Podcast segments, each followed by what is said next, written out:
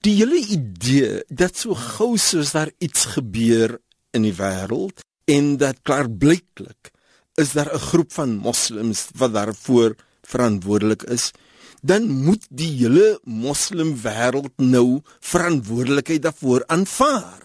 As daar 'n moord in my woongebied plaasvind, 2-3 blokke van waar ek woon, en dan kom iemand aan my deur klop en sê ek het spesifiek na jou deur geklop.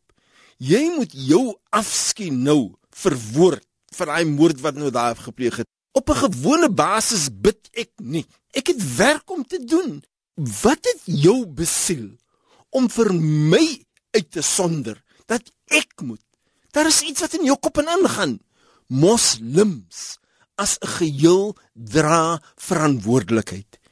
En ek eenvoudig weg van die blinde vereensilwiging wat gedoen word met die gruisame dade wat gedoen word deur ander moslems in ander dele van die wêreld. So dis eenvoudig hoekom ek hierdie keer in 'n bietjie van 'n uittartende manier gesê het, ek weier om te bid.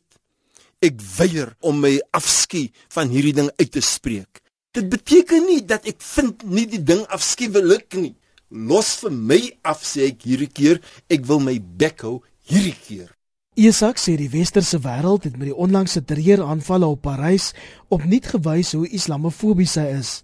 Hy sien nie op sosiale media soos Facebook en Twitter hoe mense gebedsveldtogte begin vir slagoffers van terreur in Asië of Afrika nie, hoewel die dodetal dikwels daar aansienlik hoër is.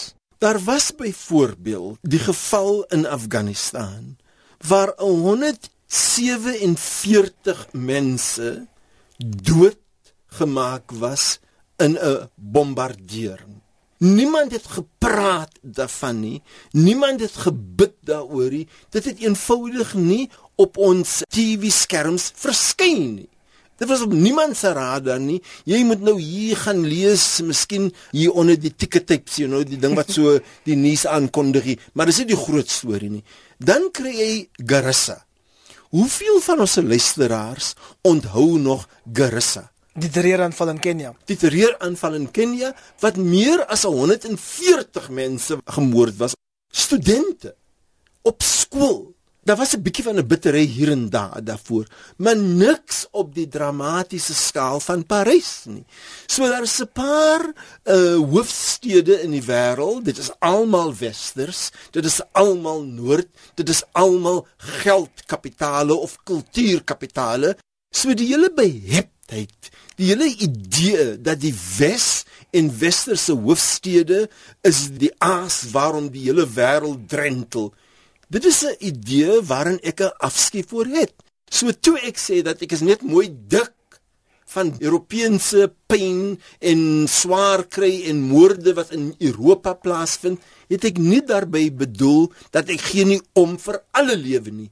Ek het dit gesê hierdie skynheiligheid dat ander mense se lewens nie tel nie aan die een kant en die tweede dat ek as moslim moet persoonlik verantwoordelik gehou word wat ander malikies in ander dele van die wêreld aanvaar ek stap weg van hierdie stereotipifering Hy verwerp ook politieke ontleeders se uitsprake dat die internasionale moslimgemeenskap meer moet doen om die islamitiese staatgroep uit te roei.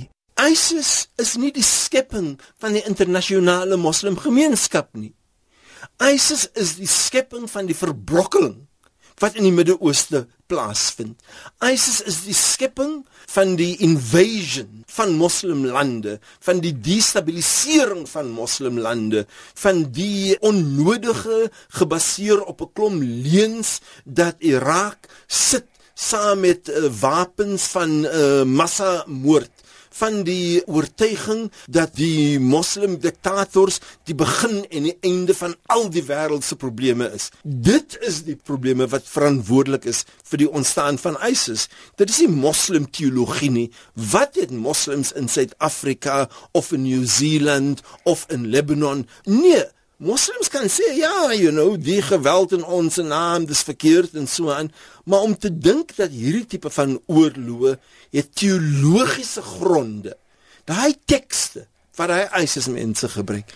Daai tekste bestaan in die Koran of waar ook al al die jare. Hoekom het dit nou lewendig geword?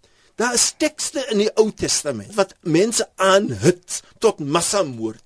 Daai tekste is daar. Hoekom is hy tekste nie lewendig nie? Sommige moslems wil daai Koraniese tekste lewendig maak. Maar tekste bestaan. Tekste word lewendig gemaak deur kontekste.